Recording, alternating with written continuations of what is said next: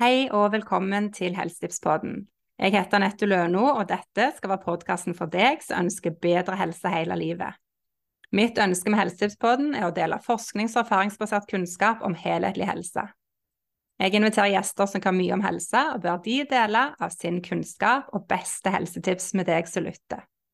Jeg setter stor pris på om du vil dele Helsetipspodden med andre, sånn at denne kunnskapen kan nå ut til enda flere. I denne episoden skal vi snakke om livssorg og livsglede. Jeg har invitert Janette Røseth som gjest. Hun er psykologspesialist med fordypning i klinisk arbeid med barn og unge, og jobber som foredragsholder, forfatter, er aktiv i sosiale medier og driver egen praksis. Hun har skrevet bøkene Livssorg og Livssorg i familien. Livssorg rammer de fleste mennesker én eller flere ganger i livet. For noen år siden ble Janettes mann alvorlig syk, og det betydde en ny hverdag for henne. En hverdag som fremdeles skulle gå rundt med små barn, jobb, rehabiliteringen hans og usikkerhet rundt nåtid og fremtid.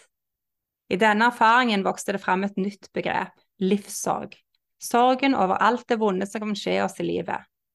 Og hvordan kan vi leve best mulig på tross av livssorgen? For hva skjer når livet ikke blir helt slik vi hadde tenkt det skulle være? Og hvordan kan vi anerkjenne mestrelivsdagen, men òg kjenne på mer livsglede? Dette syns jeg er viktig å snakke om og lære mer om. Det er derfor en stor glede at Janette har lyst til å dele dette med oss. Velkommen inn, Janette. Tusen takk, og så kjekt at jeg skal få lov til å være med og eh, dele av dette. Ja, altså, jeg eh, må ærlig innrømme at første gang jeg hørte det ordet, så traff det meg veldig. For det at vi har jo egentlig gjerne ikke hatt, iallfall ikke jeg kjenner til, eh, noen ord som beskriver nettopp det at vi kan ha en sorg over at livet ikke ble helt som vi hadde sett for oss. Og derfor syns jeg det er så viktig å snakke om. For akkurat det har vært et litt sånn glemt eller skjult tema. Hva tenker du om det? For min egen del, når mannen min fikk hjerneslag, så ble jeg sittende igjen med en sånn følelse som jeg ikke helt greide å beskrive. Mm. Og så tenkte jeg men jeg er jo psykolog, jeg har jo på en måte tilgang til alle følelsesord og alt som på en måte er der ute. Hvorfor greier jeg ikke å beskrive mine egne følelser? Og Det nærmeste jeg da kom eh, i jakten på det, var jo at ja, men jeg sørger jo. Og så føltes det òg litt sånn ja, men har jeg lov til det? Det er jo ingen som er død. Mm. Og i det vokste det fram en sånn en Jo, men livet gir oss jo òg sorg. Vi har jo masse tap i livet. Sånn. Ingen av oss unnslipper livets smerte. Og noen av de tingene setter såpass dype spor at det kan gi oss den samme sorgreaksjonen som om når vi mister noen. Så for meg var det, det var mange ting som falt på plass når ordet livssorg bare sto helt tydelig for meg. At det selvfølgelig det er det jeg har. Mm. Før det så har vi gjerne kalt det at vi er litt deprimerte. Men så er det jo ikke deprimerte vi egentlig er, men det er det nærmeste ordet vi har funnet. Og så er det egentlig en helt normal følelse vi har. En helt vanlig reaksjon. Hva tror du årsaken til at vi ikke har hatt noe ord for det tidligere? Jeg tror ikke vi har anerkjent hvor mye det gjør med oss når vi mister biter av oss selv når på en måte nåtiden endrer seg. Da har det bare på en måte vært litt sånn Det er jo typisk norsk. sant? Da bretter vi opp armene, og så bare kjører vi på. Dette fikser vi, og vi mestrer og vi klarer. sant? Og da snakker vi jo ikke om at eh, jo, men i all, den, all denne mestringen så gjør det òg vondt. Vi skal jo være takknemlige vi skal jo være takknemlige for alt det vi har, og det kunne jo gått verre. og, og Det får vi jo ofte høre òg. Du må jo huske på tremenningen til kusinen til fetteren til naboen til et eller annet. Det er alltid noen som har det verre. Og det er det jo. Men samtidig, i det øyeblikket vi har det fokuset, så undergraver vi jo at ja, men dette gjør jo vondt for meg. Og jeg har lov å ha mine følelser. Mine følelser de er legitime, de er gyldige, og de er ikke feil. Nei, og Jo mer vi undertrykker følelser og tenker at vi har ikke rett til å føle det sånn, jo ofte kan det jo bare bli mye vondere. Ja, det skaper støy. sant? vi har jo den der, eh, alle den der teknikken at å, vond følelse, jeg legger den i en skuff. Og så bare satser jeg på at når han har ligget lenge nok i den skuffen, så forsvinner han jo. Men så vet vi jo mer og mer om at ja, det er jo ikke sånn følelser fungerer. Følelser, Hvis vi legger de i skuffen, så ligger de og ulmer, og så vokser de. Sant? Skuffen tar større og større plass, og følelsen sprenger seg ut. Og så blir han liggende stå og skape gift og støy i tilværelsen istedenfor. Og da gjør det oss jo mer vondt. Ja, det gjør jo det. Og det er jo det Derfor det er så viktig å tror kanskje òg å ha et sånn veldig enkelt beskrivende ord, så ikke det blir en lang avhandling. Og det er derfor det ga så resonans hos meg òg, for her er det sånn åh, det er ett ord som beskriver den følelsen som mange går rundt med. Som gir en anerkjennelse òg av den følelsen. Jeg har jo lyst til at eh, jeg har jo lyst til at når folk oppdager ordet livssorg, at det skal føles litt som at noen ga dem en anerkjennende klem. Mm, så fint. Eh, og at en skal sitte igjen med en sånn en Ja, selvfølgelig, det er jo det jeg kjenner på. Jeg har lov å kjenne på det, og jeg gjør ikke feil. Og jeg kan få lov å kjenne på det så mye og lite som jeg trenger. Mm. Fordi det er mine følelser. Ja, og jeg skal Det er ikke noe jeg snakker så mye om, men jeg har jo hatt veldig innimellom stor problematikk med migrene, der jeg har i perioder ja, I midten av 20-åra så var jeg sengeliggende stort sett i to år. Um, og derfor tror jeg nok det traff meg så mye òg fordi at min tilstand har òg bidratt til at det mye en har gått glipp av, måtte si nei til. Livet ble ikke helt som en hadde tenkt. Eh, plutselig hadde en ikke en økonomi som gjorde at en hadde en frihet som andre hadde. Så det blir en sånn Det kan bli så mye og massivt òg. Og så igjen, som du sier, ja ja, men så skal en sette pris på de gode dagene og alt en får til. Um, så jeg, jeg, Ja, jeg, rett og slett kjente jeg sånn takknemlighet over det ordet, fordi at det kanskje for første gang ga meg en um, beskrivelse, og litt sånn som du sier, at en sånn aksept av at ja, det kan være vanskelig. Og det har, har ikke blitt sånn som sånn så for seg. Uh, og det vet jeg det er så mange som, som kjenner på, av ulik grad. For det at så har du ditt eksempel med ditt, din mann, og nå delte jeg litt av min erfaring. Um, noen har gjerne syke barn. Uh, ja, hva type, i det arbeidet du har, hva, hva type livssorg ser du hos folk som, som går litt igjen?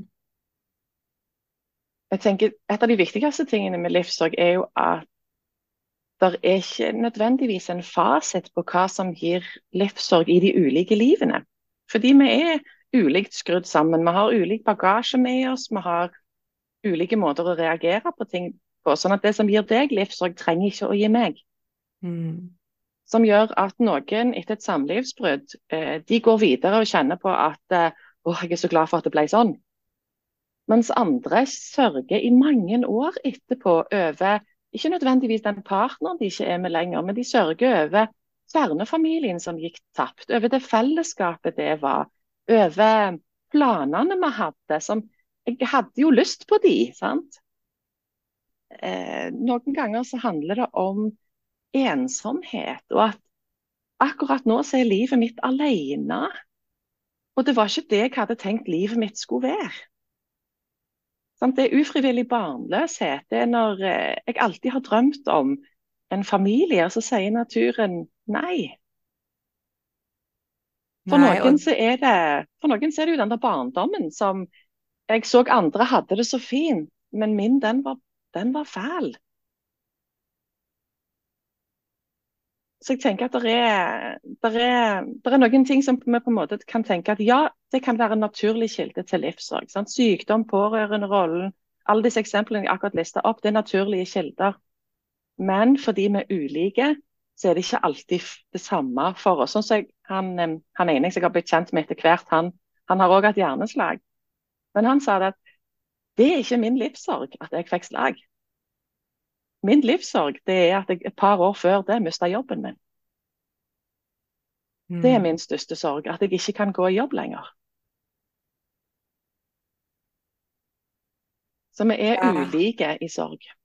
Ja, og det Og det handler kanskje òg noe med nettopp denne forventningen eller ønsket om at det skulle vært annerledes. For da hadde kanskje livet mitt vært bedre eller det hadde skjedd noe annet som en har sett for seg. Eh, og det vil nok gi utslag, vil jeg tro, i, i sant, livssorg er ett begrep på det med hvordan følelsene arter seg òg. Eh, hva type følelser ser du inni det? Jeg tenker kanskje sånn typisk frustrasjon, fortvilelse.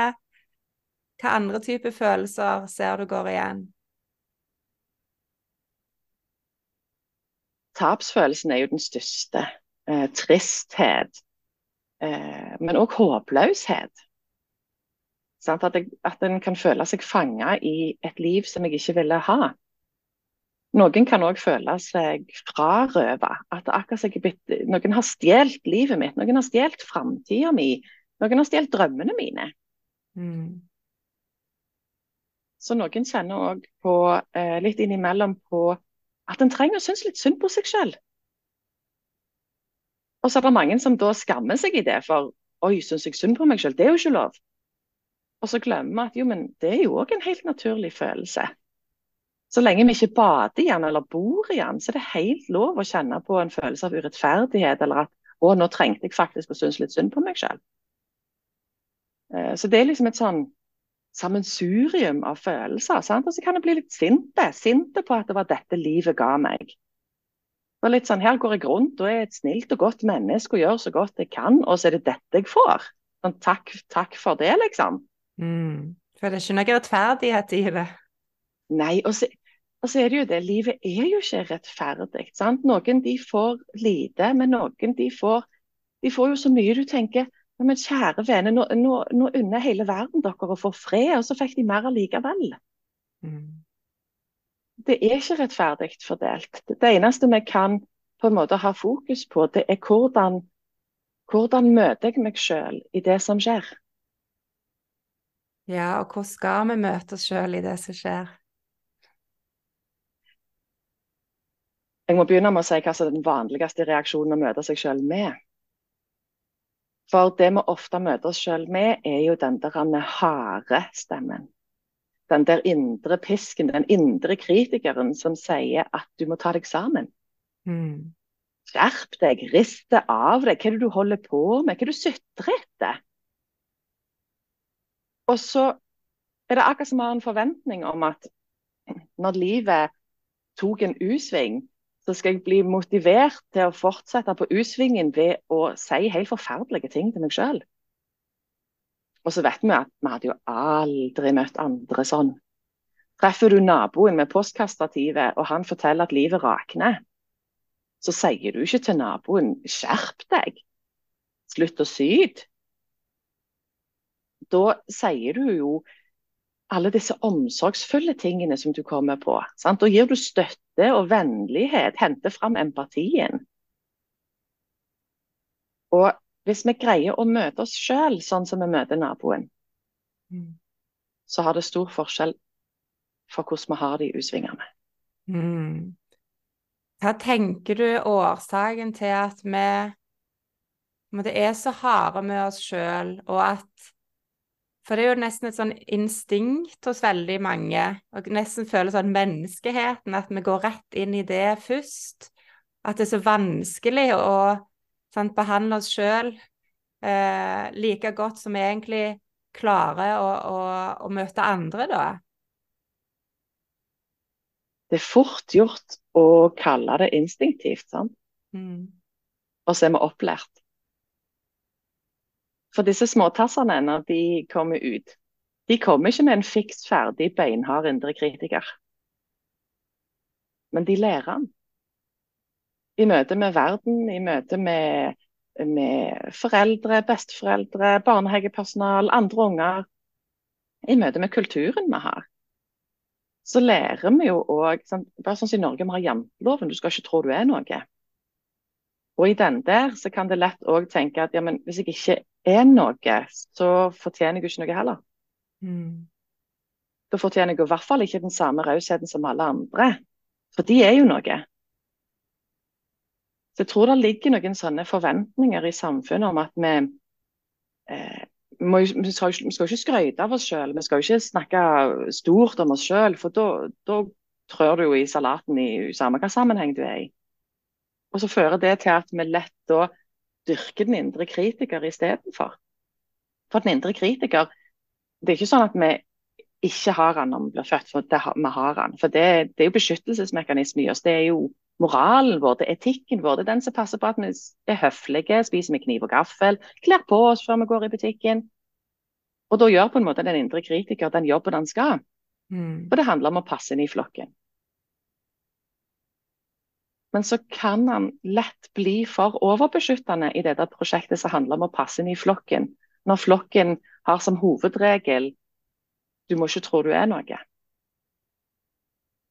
Så da må jeg hele tida dempe meg sjøl ned, og da demper jeg òg sjøl mine egne følelser ned. Og så er det jo ikke alle som er opplært til at følelser er lov. Mm. Noen er opplært til at jo, det er lov å være glad, men du må ikke ha de andre. Noen er gjerne opplært det helt annerledes, at sinne, det, det har vi lov til. Men å springe rundt oss og være lykkelig og glad, nei, det må du bare tørke fort av deg. Og Det gjør det jo komplisert i møte med sorg, fordi at har jeg lov å ha den følelsen? Det er ikke sikkert jeg har opplært til hvordan jeg skal møte den. eneste jeg har opplært til, det er at når jeg har store følelser, det er at da må jeg skjerpe meg og ta meg sammen, for det er det jeg har fått beskjed om. Så da er det det den indre kritiker henter erfaringen fra òg. At eh, husk nå, ta deg sammen. Vi kjenner ikke på sånne følelser her hos oss, det rister vi av oss. Ja, og det at vi på mange måter ikke har fått lært oss til å øve oss i disse følelsene. Og det ser jeg jo i barneoppdragelse. Sant? Det er ikke mer enn kanskje 15-20 år siden det var en sånn eh, Kall det teknikk, da, der eh, hvis barnet var eh, vanskelig i hermetegn, med store følelser, så ble det anbefalt at du da skal sette barnet ditt i trappen og sitte og telle og håndtere den følelsen sjøl, og komme tilbake når du er ferdig med den. Og så er det gjerne aller første gang det barnet har opplevd den følelsen. Um, eller har den følelsen nettopp fordi at en var i en vanskelig situasjon, en ikke vet hvordan en skal håndtere det.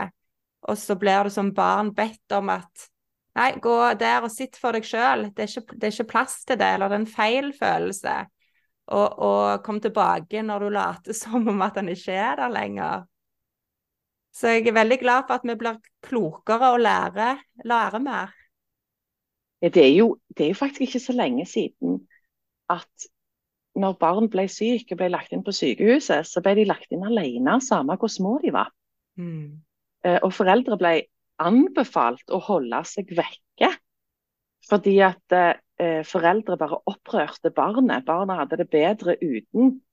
Fordi at det lå en sånn grunnforståelse for at barna eh, hadde ikke noen særlige følelser. Så hvis de bare fikk være i fred inne på sykehuset, så hadde de det mye bedre. Eh, I dag vet vi jo at det er en hel haug med unger som ble kjempetraumatiserte av den oppfatningen. Mm. Jeg husker bare når hun eldste hun skulle ta den der han, eh, Hva er det følgingsprøvene heter, når de tar prøver ned i foten av babyene. Og så husker jeg uh, hun som tok prøven, så sier hun til meg når babyen begynte å grine, at det er bare en refleks. Og så tenkte jeg Nei, det er det jo ikke. Denne lille babyen kom jo med et fiks ferdig nervesystem. Mm. Så det gjorde jo vondt å bli stukket i foten. Det er jo derfor hun griner. Ja. Eh, og det er ikke så lenge siden at en tenkte at babyer de kom med reflekser istedenfor følelser.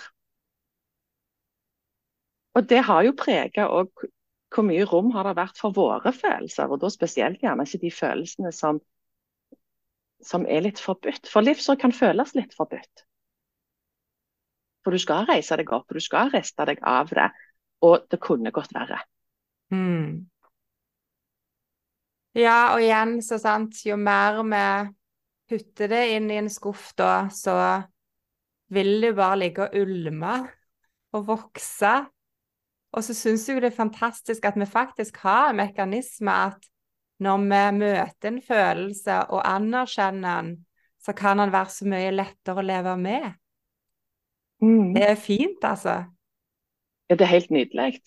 Eh, men jeg, jeg, kan jo Jeg pleier å bruke et bilde på livssorg eh, som for meg gir veldig mening, og jeg opplever at det gir mening for andre òg. Mm. Som jeg syns òg forklarer litt denne, hvorfor vi legger det i en skuff. sant? Men jeg pleier å si at livssorg det er litt som å vite at OK, nå skal jeg ut og reise. Jeg skal reise der jeg har tenkt lenge jeg har lyst til å reise til. Så du kjenner på den der enorme liksom, følelsen av at du gleder deg, for nå er jeg på vei.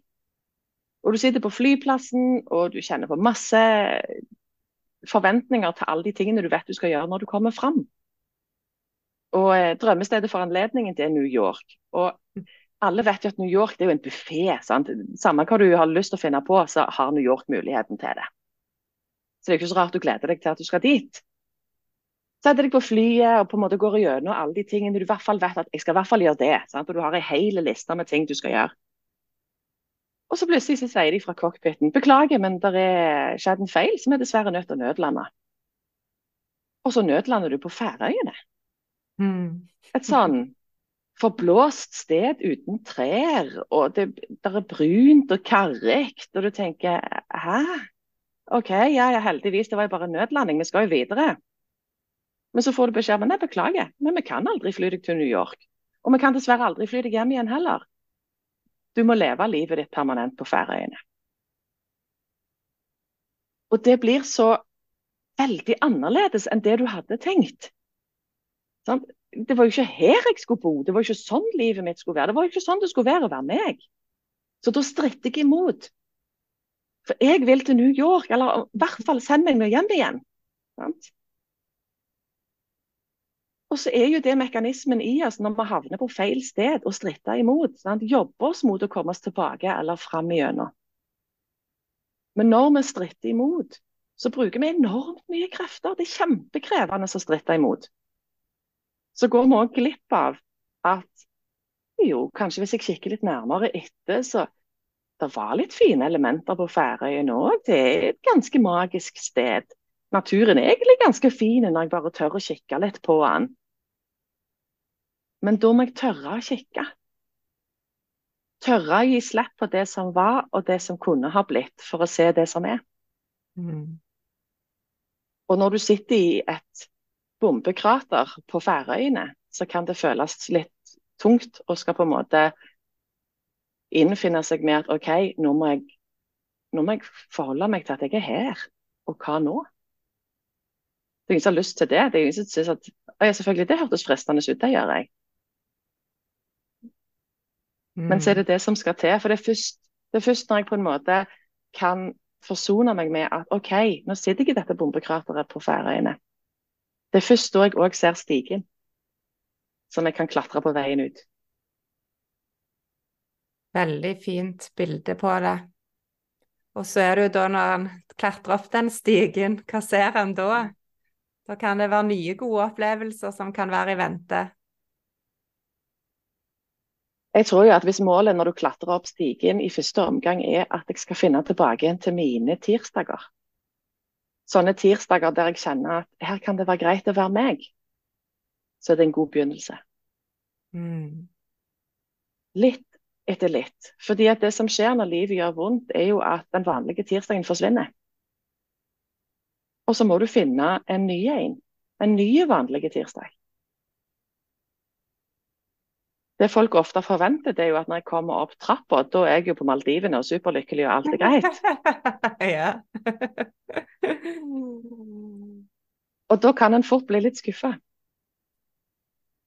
Fordi at det er jo ikke det en nødvendigvis får.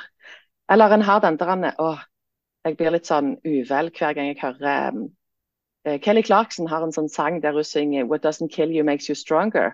Ja. Og jeg kjenner, jeg kjenner jeg blir litt irritert hver gang jeg hører den. For jeg tenker nei, det er ikke sånn det er. Vi blir ikke alltid sterkere når vi kommer opp den stigen. Noen ganger så er vi svakere. Mm. Men det betyr ikke at vi skal leve et dårligere liv. Det betyr bare at vi må gå en annen vei for å finne tilbake til et liv som vi kjenner at jo, her var det jo ganske fint.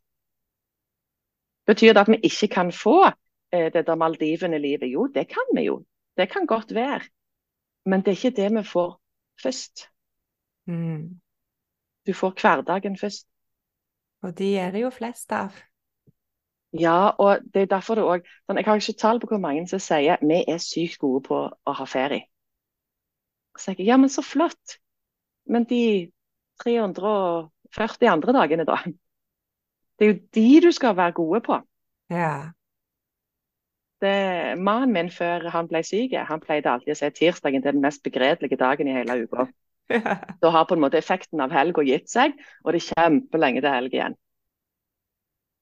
Etter han ble syk, så har tirsdagene fått en helt spesiell betydning hos oss. For det er jo de vi vil ha igjen. Ja. De der helt vanlige dagene som bare går av seg sjøl. Mm. De får en uendelig stor eh, verdi når livet tar usvinger. Ja, og det er jo sant, kanskje at på et vis ting blir satt i et annet perspektiv, større perspektiv. Eh, og så tenker jeg at det er vanlig at vi kanskje trenger litt hjelp til dette her, da, nettopp fordi at dette har jeg aldri gjort før. Mm. Eh, hva er det, det som folk strever mest med da, for å få tak på det òg å skape gode tirsdager, som det eksempelet? Jeg tror det vanskeligste er bare det der å for det første gi seg selv lov til å sørge. Mm. Gi seg selv lov til å kjenne på at dette gjør vondt, og kanskje skal det gjøre vondt en god stund. Og så gi seg selv muligheten til å ha fokus på her og nå. Hvordan får vi det til? ja, hvordan får vi det til? Det er jo eh, det er jo en ganske krevende øvelse. fordi at vi er jo liksom designer litt sånn at vi har fokus på framtid og fortid hele veien. Men bare det der å stoppe opp litt hver eneste dag. Og bare, eh, bare sånn som nå, for. Sant? Akkurat nå så sitter jeg i en stol. Og så legger jeg merke til hvordan har jeg det her jeg sitter i denne stolen akkurat nå. Hva kjenner jeg på? Hvis jeg skal kjenne på kroppen min først, hva merker jeg i kroppen? Sånn, Er jeg sliten? Er jeg opplagt? Har jeg vondt noe sted, eller er egentlig kroppen helt på plass? Og så legger jeg merke til ja, ok, her jeg sitter akkurat nå, har jeg noen følelser på gang? Hvis jeg kjenner ordentlig etter, ja, er jeg lei meg, sint, er glad? Eller kanskje jeg er nøytrale, for veldig ofte er vi nøytrale. Og så legger jeg merke til ja, hva som foregår i hodet mitt akkurat nå. Er det masse tanker, er det stilt og rolig, eller har jeg et sånt tanketog som flakser rundt omkring? Hva er det egentlig som foregår? Og så når du på en måte har tatt de to-tre minuttene og bare kjent etter, gi seg selv lov til å møte hva enn en fant, med vennlighet. For akkurat nå er det sånn det er å være meg. Og når jeg har møtt meg selv med vennlighet i hvordan det er å være meg, så er det òg lettere å spørre seg selv hva trenger jeg akkurat nå? Hva hadde gjort meg godt? Men hvis vi ikke kjenner etter hvordan vi har det akkurat nå, så blir det ofte litt vanskelig å finne ut hva jeg trenger. Da famler vi liksom litt i blinde, og så prøver vi hundre ting og syns at ingenting virker.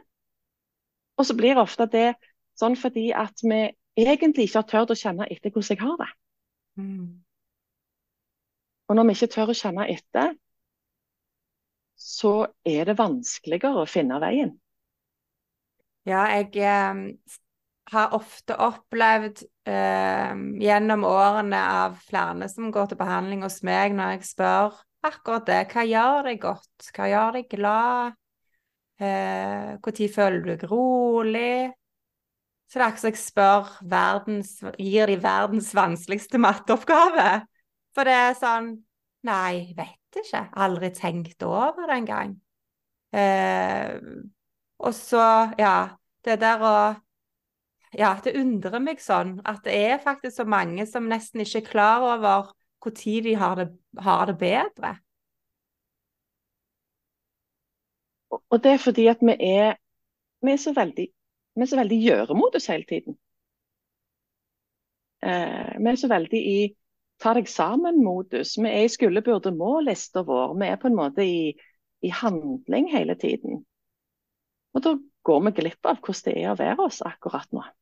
Mm. Som hvis du hadde spurt OK, fortell om en gang du var glad. Så kan det godt være at det kommer et minne, for fra, fortiden den er liksom lettere å ta tak i.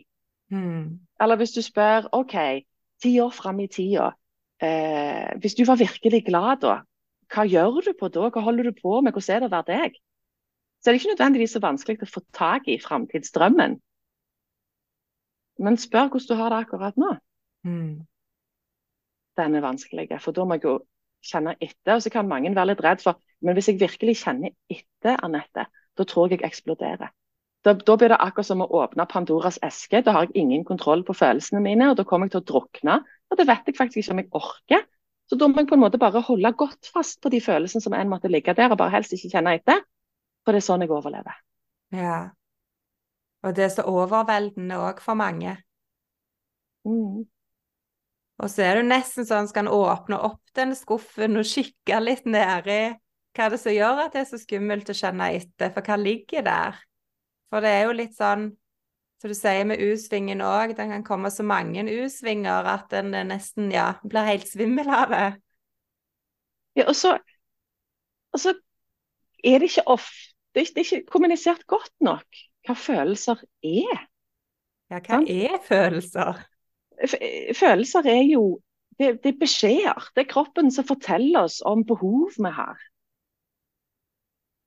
Og hvis vi tar beskjeden på alvor, så går beskjeden over. Mm.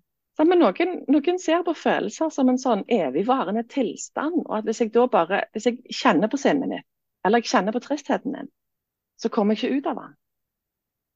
Men følelser de de varer mye kortere enn vi tror. Jeg elsker forskning som har eh, sett på ok, hvor lenge varer egentlig en følelse. Og Forskningen viser jo at vi greier å være i en følelse i maks ti minutter. Ah. Og ti minutter, det høres jo ikke lenge ut. for det er sånn, ja, men jeg var lei meg i hele går. Så ja, men var du like lei deg hele dagen? Og så Før en på en måte begynner å leke litt med følelsen, så kan en gjerne si ja, det var jeg.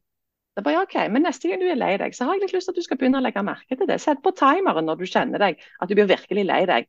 Og se hvor lenge du greier å være deg i den der store lei deg-følelsen. Mm. Uh, og så kan jeg gjerne si og jeg utfordrer deg til å greie å få til å være et kvarter. Og så kommer de tilbake igjen med en sånn en mm, dumme psykologen som hadde rett. så det er ikke jeg som har rett, det er jo forskningen som har sagt noe om at vi vil automatisk svinge. Eh, og for meg er det et sånn fint bilde på følelser at det er akkurat som så, sånn pendel. Sant? Så vi går inn og ut av følelser.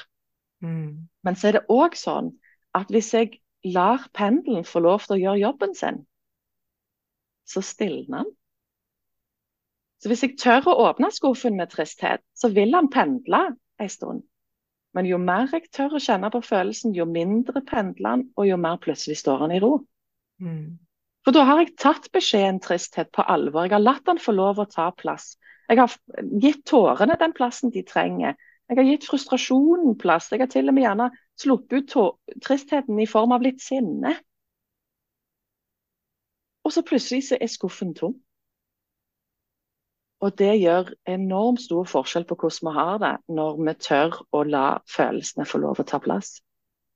Mm. At pendelen får lov å gjøre jobben sin. Ja, fint bilde igjen. Det syns jeg. Um, og så er det jo litt det der med Så har vi den livssorgen, men hvordan skal vi klare å få plass òg til livsgleden oppi alt dette? Den ene utelukker ikke den andre.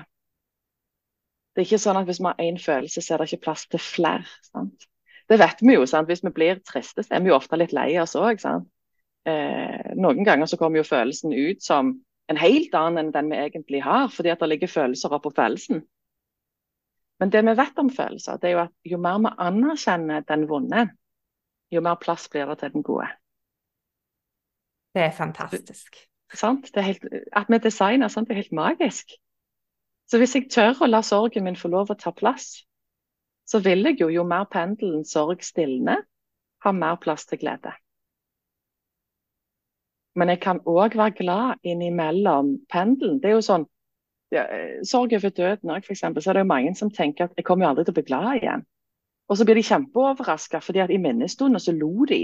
Og så kan en få dårlig samvittighet for dette, det er jo fem minutter etter begravelsen, og så lo jeg. Hva er det for noe? Men det er fordi at vi går inn og ut av følelser. Og den ene utelukker ikke den andre. Og det er jo utrolig fint. Mm. Så jeg tror jo på at eh, hvis jeg gir meg selv lov til at livssorgen får lov å ta plass når jeg trenger det, så har jeg det automatisk bedre ellers. Og jeg må gi meg selv lov til at livssorgen den kan komme òg selv om det har gått ei tid. Sånn, Vi kan lett tenke at det er en sånn sørgefrist. At liksom, jo, men nå er det jo så og så mange måneder siden, så da er jo det forbi. Ja. Du må være ferdig nå. sant? Ja, sant. Eh, og sånn som folk kan si Ja, men du ser jo helt fin ut nå. Ja. Sånn, ja, jeg har orka å kle på meg i dag. Jeg tok til og med på litt maskara. Det forteller ingenting om hvordan jeg har det på innsida. Men det feiltolkes fort som at ja, men å ja, jeg så meg i butikken i går, så helt normal ut, så da er alt greit. sant? Men livssorg er jo en sånn jeg pleier å si det er en sånn kontinuerlig sorg. fordi at noen tap er det kun tida som kan vise oss at vi har tapt. Det er det først når vi står i en situasjon gjerne om fem år at vi oppdager at å, her er det òg et tap. Som jeg ikke har tenkt over, som jeg ikke visste var der. Fordi at uh, livet endrer seg jo. Og, og, det vi vil ha når vi er 20, er ikke nødvendigvis det vi vil ha når vi er 40 eller 60 eller 80. Som gjør at uh, sorgen kan følge deg. Sånn som ufrivillig barnløshet, f.eks. Så har du jo du har sorgen mens du er i den prosessen eh, der du prøver å få, og så må du lande i den der eh, jeg må gi slipp på drømmen. Og så har du eh, livssorgen som da kommer i sånne bølger etter hvert som at ja, andre de får noen nummer tre, nummer fire. Mm. De plutselig begynner på skolen. Idrettslaget tar all plass. Konfirmasjoner, russetid, barnebarn. Sant? Det kommer hele tida sånne på en måte drypp. Og noen ganger så kommer de, og så på en måte går de fort over. Men andre ganger så kan det føles som en sånn bølge som tar oss. Av og til til og med en hel tsunami. Mm. Og så det er helt OK. Sant? Det var ei som ringte til meg og så sa jeg ble skilt for ti år siden. Og det var egentlig greit, jeg var glad jeg var kvitt han. Men jeg er så full i sorg. Og jeg sier bare OK, ja, men fortell, hva er det du sørger over? Og så sier jeg nei, han og den nye har kjøpt hytte på nøyaktig den plassen meg og han alltid snakket om at vi skulle ha hytte. Der vi skulle ha vårt voksenliv. Og han har kjøpt den nøyaktig sånn som vi snakket om. Mm. Og da var det på en måte den der drømmen hun sørget over. Selv om det var lenge siden samlivsbruddet, men så var det likevel en drøm for hennes liv som da hun plutselig fikk som en sånn en tsunami over seg igjen. Og Det å på en måte gi seg selv lov til å kjenne på de der når de kommer, det er viktig. altså. Og ikke gå i den der fella og tenke at ja, men det er jo lenge siden nå, så da burde jeg være ferdig. Mm. Eh, fastlegen min han, eh, han, er en klok mann. Og han, eh, han, sa noe utrolig viktig til meg sånn ca. fire måneder etter mannen min ble syk. For da, Jeg fikk noen kommentarer som handla litt om det, at det er jo lenge siden nå. Så jeg tenkte jo, jo jeg må jo ta grep, jeg da. Jeg, kan jo ikke sitte fast. Så jeg spurte han om råd. Og så sier han ja, Janette, det er lenge siden. Men det er fortsatt i dag. Og Det er blitt et sånn mantra i mitt liv, og et sånn mantra som jeg tenker bør følge livssorg. For ja, det er fortsatt i dag. Fordi at mitt liv, vår nåtid, vår framtid, den er endra hver dag for alltid. Mm. Og da har vi gjerne lov å kjenne på dette i de dryppene som eventuelt måtte komme. Vi trenger ikke å tenke at det er regler, vi kan heller bare tenke at vi har en hel haug med normale følelser, og vi skal få lov å kjenne på dem når de er der. Mm. Det var klokt sagt. For det, det er jo ikke over selv om det er lenge siden noe skjedde. Nødvendigvis. Nei. Det, det, er litt sånn eh, Jeg snakket med ei som hun eh, eh var veldig, veldig syk når hun var fra ca. 18 til 25. Og så begynte hun å bli frisk igjen. Og så var hun jo enormt glad for det. Men så sier hun men jeg vet ikke hvor jeg skal gjøre av meg i forhold til at jeg kan, jeg kan aldri ta tilbake igjen. Jeg kan aldri være russ på nytt igjen. Jeg kan aldri få ha de der rølpete årene når jeg er 23 og bare mm. Skal ta noen dårlige valg, kanskje. ja, ja. Og få lov til å feste og herje og reise til Ibiza og gjøre alle disse tingene som alle de andre gjorde. Ja. En kan på en måte aldri ta det igjen. Det er på en måte et tap som alltid vil være der. Som når hun da eh, samles i vennegjengen, orker å være der igjen. Så er hun kjempeglad for at hun orker å være sosiale. Og så stikker det litt inn hver gang de mimrer om 'husker du den gangen'? Og hun vet at da lå jeg på et mørkt rom. Mm. Og så går det ikke an å si at jo, men nå er det lenge siden, du må være ferdig med det. Nei, vet du hva, de årene mine de er tapt. Og jeg har lov å kjenne på det når det til stadighet mimres, og jeg ikke har noe å mimre over. Ja, og det var òg et fint eksempel, for det er nettopp det med at det er jo i så mange ulike former. Mm. Um, og da få lov å sånn, snakke med deg om det, for å bare bli, få en anerkjennelse på de følelsene. At det er vondt hver gang de sitter og mimrer, for det forsterker den vonde følelsen min på at jeg gikk glipp av så mye, selv om livet nå er bedre. Mm. Eh, Ja, og derfor òg, når en skal møte disse følelsene, når en aldri har gjort det før, eh, så tenker jeg at for mange så vil det være nyttig å gå og få hjelp til dette her, for det er jo ikke alt vi nødvendigvis skal kunne klare å få til sjøl. Eh, nå har jo du skrevet to veldig fine bøker som gir gode innblikk i og verktøy til å kunne jobbe litt med det. Men hvis det er noen som lytter nå og tenker at dette her kjenner meg så igjen i, men det høres utrolig vanskelig ut, hvor begynner en henne da?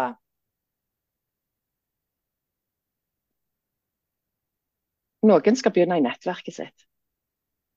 Noen har noen utrolig fine mennesker rundt seg som, hvis jeg tør å åpne litt mer opp om hvordan jeg har det, så kan det være jeg får en kjempefin samtalepartner der følelser er lov. Mm. Noen skal gjerne begynne med eh, likepersoner i foreninger som passer til det jeg strever med. For der finnes det mange fine mennesker å snakke med. Andre skal gå til fastlegen sin og si du, vet du hva, jeg lurer på om jeg sørger, og jeg får ikke helt til å plassere deg. Hvor kan jeg gå for å få hjelp? Noen fastleger er eh, videreutdannet i kognitiv terapi, så da trenger en ikke å gå lenger enn til fastlegen. Andre de må gjerne videre. Sant? Og Det begynner etter hvert å bli et ganske bra kommunalt tilbud rundt omkring. Det er ikke alle kommuner som har fått det til ennå, selv selv om regjeringen mener at alle kommuner skal ha ansatt psykologer. Ja. Så er vi ikke helt i mål der, men det begynner å komme seg. Og det er fine psykiatriske sykepleiere rundt omkring. Det finnes ulike tilbud. Og det er fastlegen som på en måte er den som skal ha oversikt over hva som finnes i din kommune. Mm. For en trenger ikke å sitte alene med dette. Det finnes mange fine mennesker der ute som kan på en måte være med i prosessen din. Hvis du bor på et sted der oh, det var ikke så lett, eh, så kan jeg eh, Det er mange som er godt digitalt, så det kan en jo òg gjøre. Jeg er jo selv en digital psykolog. Men det skjer mye bare med penn og papir. Skriveterapi det er en sånn en undervurdert terapiform som vi, som vi gir litt for lite plass når vi snakker om hva som er god terapi. Mm. Og Skriveterapi det er veldig viktig. Den skal skje på en måte med, den skal skje med penn og papir. Den skjer ikke på en PC, den skjer ikke på en mobil. Og Det er fordi at hjernen vår, hjernen vår skjønner ikke helt de bevegelsene. Men, han, men når han får til den der motorikken som penn og papir er, så er det akkurat så vi bearbeider og sorterer på en helt annen måte. Jeg, eh, nå når jeg ser eh, Emil i Lønneberget med ungene, så har jeg fått en helt annen forståelse for hva mora gjør hver eneste kveld før hun legger seg. For da sitter hun, setter seg ned med bordet, og så har hun ei egen bok som heter Emils hus. Ja. Og der skriver hun av seg alt det han har funnet på den dagen som har gitt henne bekymring og engstelse. Og når hun er ferdig å skrive, så lukker hun boka og legger den i en skuff. Og da har hun på en måte skrevet av seg det som var vondt og vanskelig i dag. Mm. Så istedenfor å ta det med seg på puta, så ligger det i boka. Ferdig sortert. Jeg heier litt på å få tilbake igjen den der så å si, gamle hermetegn dagboka. For mm. når jeg var barn og ungdom, så hadde alle en eller annen form for dagbok eller en skoledagbok der en kunne skrive ned litt tanker og følelser. Og nå Mm. når alt skal Hvis en gjør det, så er det digitalt, så vil det ikke ha samme funksjon. Så det der var et skikkelig godt tips. Eh, hvis du strever med å skrive, for det er jo noen som gjør det, så kan du eh, bruke opptakeren på mobilen, og så snakker du det inn. Og så kan det ha nesten like god effekt. Eh, så hvis du vet at eh, sant, dyslektikere eller eh, andre ting som gjør at skriving det er vanskelig for meg, så tenker jeg at ja, men OK, da kan jeg snakke det inn på mobilen. Hvis jeg kjenner at jeg våger, så kan jeg tørre å lytte til det. For det òg gjør mye med oss, å lytte til vår egen historie. Det er akkurat som det er litt lettere å være litt rausere med oss sjøl når vi på en måte enten ser det på papir eller vi lytter til det. At litt sånn OK, kanskje jeg kan tørre å møte meg sjøl sånn som jeg møter naboen. For dagen min har tross alt vært ganske strevsom. Men det er akkurat som vi ikke legger merke til det når det bare liksom flyter litt sånn løst rundt i hodet. Men når vi lytter til det eller vi leser det, så skjer det noe. Ja, på et vis at vi klarer å lytte eller høre på oss på litt på avstand, kanskje. Ja, det er akkurat så litt sånn Det er litt lettere å tenke at å ja, hvis, det, hvis, naboen, hvis det var naboen sin stemme som fortalte meg dette, ja, hvordan ville jeg møtt naboen da? Ja, men da ville jeg jo ha sagt det, eller jeg ville ha gjort det. Kanskje jeg til og med ville ha gitt han en klem. Mm. Så kanskje jeg skal gi meg sjøl en klem. Kanskje jeg skal gi meg sjøl noen klapp på skulderen, noen rause ord. Eh, fordi at jeg har tross alt stått i det jeg har stått i i dag. Mm. Og så syns jeg det er så fint fordi at du har fokus på det med livssorg. Og så er det det andre ordet, da, som er livsglede.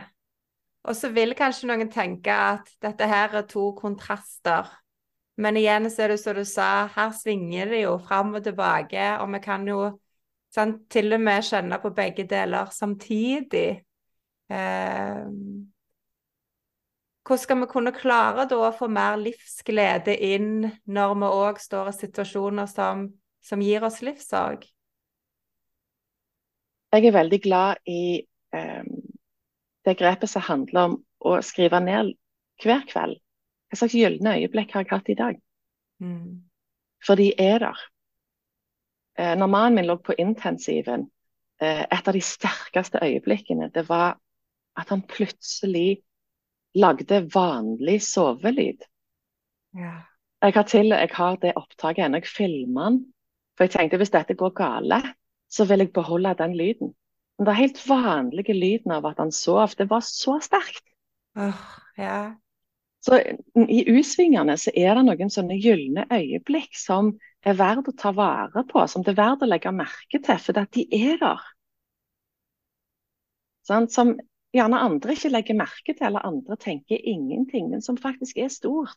Den der følelsen av at jeg har vært utbrent lenge, men i dag gikk jeg i dusjen uten å tenke meg om. Jeg trengte ikke å hvile etter å ha dusja engang, jeg bare gjorde det. En sånn en Mm. selvsagt som en tenker, ja men alle gjør jo det. Men nei, alle gjør jo ikke det. Men det er å ha fokus på hva har jeg fått til i dag på veien mot en vanlig tirsdag. Jeg er, jeg er veldig glad i å skrive mestringsdagbok, men mestringsdagbok det skal ikke handle om sånn thanksgiving-greier, krig og fred og alt det der. Det skal handle om de der små selvsaktene som jeg sakte, men sikkert får tilbake igjen. De gylne øyeblikkene, de der små mestringene. De der tingene vi ikke tenker over, men som er så viktige for at dagen på en måte skal bli det den ble. Mm. Bare at jeg spiste Jeg husker mat jeg, jeg var veldig opptatt av at jeg skulle ivareta basisbehovene mine i krisen. sant? Men mat smakte jo oppkast. Mm. Men bare den der utrolige gleden over at jeg spiste noe, og så smakte det mat. At jeg, at jeg fikk igjen en følelse av sult. At jeg greide å la være å tenke over at husk å puste. For det en stund måtte jeg måtte konsentrere meg. Da, jeg vet jo at det ikke er viljestyrt, men der og da så føltes det veldig viljestyrt. Jeg hadde sånne Gud, jeg har glemt å puste på lenge. mm. Men så plutselig så kjente jeg bare at pusten gikk av seg selv. Det der plutselig kunne kjenne gleden over å sitte i fred og ro på kjøkkenet med en god kopp kaffe om morgenen og bare liksom kjenne at å, akkurat nå var det litt godt å være meg. Det å skrive ned biterne gjør at vi retter blikket mot det som òg er godt. For hjernen vår den er så rask å bare legge merke til alt som er vondt. Men skriver du ned hva jeg er takknemlig for i dag, eller hva jeg har mestra i dag, eller hva gylne øyeblikk har dagen min hatt i dag, så hjelper du hjernen å bytte briller og til å se alt det som òg er godt. Mm. Ja, akkurat det. Jeg husker bare mange år siden jeg hørte om det der sånn takknemlighetsdagbok, så tenkte jeg litt sånn Ja, det er vel litt rart. Skal en begynne liksom med det? Eh, men så nysgjerrig som jeg er, og leser forskningen på det, så må det jo testes ut. Og det som er så fint som jeg opplever nå, når jeg har trent på dette over så lang tid, er at når jeg legger meg på kvelden, så begynner hjernen allerede å lete etter de tingene. Og det er snakk om små ting i løpet av dagen som jeg har vært takknemlig for. Sånn at når en får på en måte trent lenge nok på det, så har hjernen òg evne til å hente det inn for oss uten at vi må ha så mye bevissthet på det. Ja, og bare det at du sier når man har trent lenge nok på det, gjør at en kan tenke å, hvor lenge, lenge orker jeg dette? Ja. Eh, men der òg vet vi at forskning sier at allerede etter 14 dager så har det en effekt. Så bra. Allerede, ja. allerede, etter 14 dager så begynner du morgenen med en sånn en Husk nå, briller. Jeg skal finne noe å være takknemlig for i dag, så jeg må begynne å lete allerede nå. Ja. Så allerede der har du gjort noe med hvordan du møter dagen din. Så det går ikke så lang tid som vi tror. Men, men vi er ofte litt sånn ja, Virker ikke etter tre dager, ja, da funker det ikke. Mm. Jo, det gjør det, men det, noen ting trenger 14 dager, noen ting trenger gjerne en hel måned. Men holder du ut og gjør verktøyet om igjen og om igjen i den perioden, så har det effekt. Mm. Mindfulness f.eks. Vi vet jo at det å gjøre mindfulness pusteøvelser har effekt på stress og uro og angst. Og der vet vi at tidsvinduet er åtte uker. Gjør du det i åtte uker, så kommer effekten. Så noen verktøy er sånn at vi må på en måte bare holde de litt ut. Mm. Men når vi får den der tidsrammen, så er det litt lettere å tenke ja, okay, hvor lenge lenge? Snakker vi liksom fire år her, eller eh, Samme dette med å øve på raushet i møte med seg sjøl. Det å kreve noen ganger øving. Sant? Vi er så vant med den der indre kritiker at, eh, at akkurat som vi tenker at ja, men jeg har brukt 40 år på å øve på den indre kritiker, da burde jo rausheten komme etter tre dager. Nei, han trenger litt mer tid. Ja. ja, det er som å oppdra da altså et lite barn inni oss på at nei, nå skal du òg være raus, og dette her er nytt og ukjent, og vet gjerne ikke helt hvordan jeg gjør det engang. Hva menes med raushet? Hvor raus skal jeg være? Jeg tror ikke helt på det, for jeg er så, jeg er så trent på å være kritiske. Så det litt sånn å begynne å øve og være litt mild med seg sjøl òg. Ja, og jeg tenker eh, for noen, hvis en har barn f.eks., så kan det hjelpe å tenke OK, vil jeg ha sagt dette til barnet mitt? Ja. Og at det der bare det å stoppe opp sin egen indre kritiker og si OK, det jeg sier til meg sjøl, nå vil jeg ha sagt det til barnet mitt. Der ofte er liksom der vi skal begynne. Mm. Eh, hvis jeg ikke har barn, så ja, tenk, på, tenk, på, en person du virkelig er glad i. Sant? Det kan være en god venn, partneren din, eh, foreldrene dine. Ville jeg ha sagt det til de? For i det øyeblikket du begynner å stille spørsmålstegn ved den indre kritikeren din, så får han mindre kraft. Mm. Og så for noen så hjelper det å skrive ned ok, dette har skjedd meg akkurat nå, og sånn føler jeg meg. Hvis jeg da skal late som at dette var partneren min, da, ok, hva ville jeg ha sagt? Og så må jeg skrive det ned, sånn hva jeg faktisk ville ha sagt. For det er akkurat som det først når jeg da har det helt synlig at hjernen min kan bli med på det prosjektet som handler om at å ja, det er setningen jeg skal si til meg sjøl, ja. Og så må jeg begynne å pugge den inn. Og Det betyr jo at i begynnelsen så tror du ikke akkurat så veldig mye på den andre setningen. Det blir en sånn en ja, ja, ja, jeg hører hva du sier. Men hvis du holder ut den perioden, så det er akkurat som hjernen gjerne akkurat som en sånn trenbar valp. Sant? Sier du sitt nok ganger, så sitter jo valpen. Sånn gjør hjernen vår òg. Mm. Så gjør at han oftere og oftere henter fram den der ene setningen. Og du henter den ikke fram fordi at du plutselig tror du er så voldsomt mye. Men du henter den fram fordi at du er menneske på lik linje. Og ingen mennesker unnslipper livets smerte. Og mm. alle mennesker fortjener medfølelse i møte med det som gjør vondt. Og så begynner du å tørre å tro på din egen setning. Mm. Og en annen ting òg som jeg syns er så fint, er jo det med å gjøre ting. For noen kan det være enklere å starte med at en gjør en, en bevisst handling som skaper selvomsorg, eller en oppmerksomhet til Nå tar jeg den kaffekoppen, sitter og ser ut vinduet, og dette gjør jeg for det skal være godt for meg, kontra bare å drikke den kaffen. Det er å markere ut at nå gjør jeg noe av egen omsorg.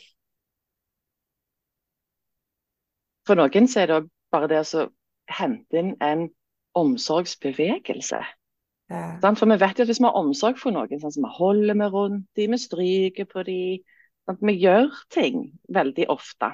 Og det å tenke OK, hvis jeg merker at jeg har det vanskelig, skal jeg ha meg en omsorgsbevegelse. Sånn skal jeg holde meg selv over hjertet. Skal jeg stryke meg selv på armen. Noen de holder rundt seg selv og syns det er godt. Det å finne en sånn en Kanskje jeg skal hente fram en sånn en, gjøre det helt bevisst. Mm. Når jeg sitter der og vet at okay, denne kaffen her skal jeg, den skal jeg gi meg selv i omsorg. Jeg skal ikke bare drikke den. jeg skal, mm. Men kanskje skal jeg også stryke meg selv litt på armen mens jeg drikker denne kaffen. sant? Fordi at akkurat nå så var det litt vanskelig å være meg. Så da skal jeg gi meg selv litt selvomsorg. Mm. Ja, jeg er jo veldig opptatt av pustens effekt for oss. og mm ofte pleier å si det sånn hvert et bevisst rolig pust, at det er kjærlighet til seg sjøl. Um, ehm, og da er det òg en sånn enkel øvelse å ha oppmerksomhet på at nå gjør jeg litt noe godt for meg sjøl, og det kan til og med oppleves litt godt å puste litt roligere. Kjenne meg litt mer rolig, mindre stressa, mindre urolig. Så det trenger ikke være sånn krevende, sånn som du sier, da stryke litt på seg sjøl eller holde seg sjøl på hjertet. Um, veldig fint at du nevner, for da er det ikke noe som store ting at vi må kjøpe noe, eller at det tar masse energi for å få det til. Det er så enkelt. Eh, samtidig eh, så er det viktig da å klare å huske på det og øve seg litt på det. Ja, for det, veldig mange av de der gode verktøyene vi har, de er jo gratis, de er lett tilgjengelig. Men de krever litt mot. Mm.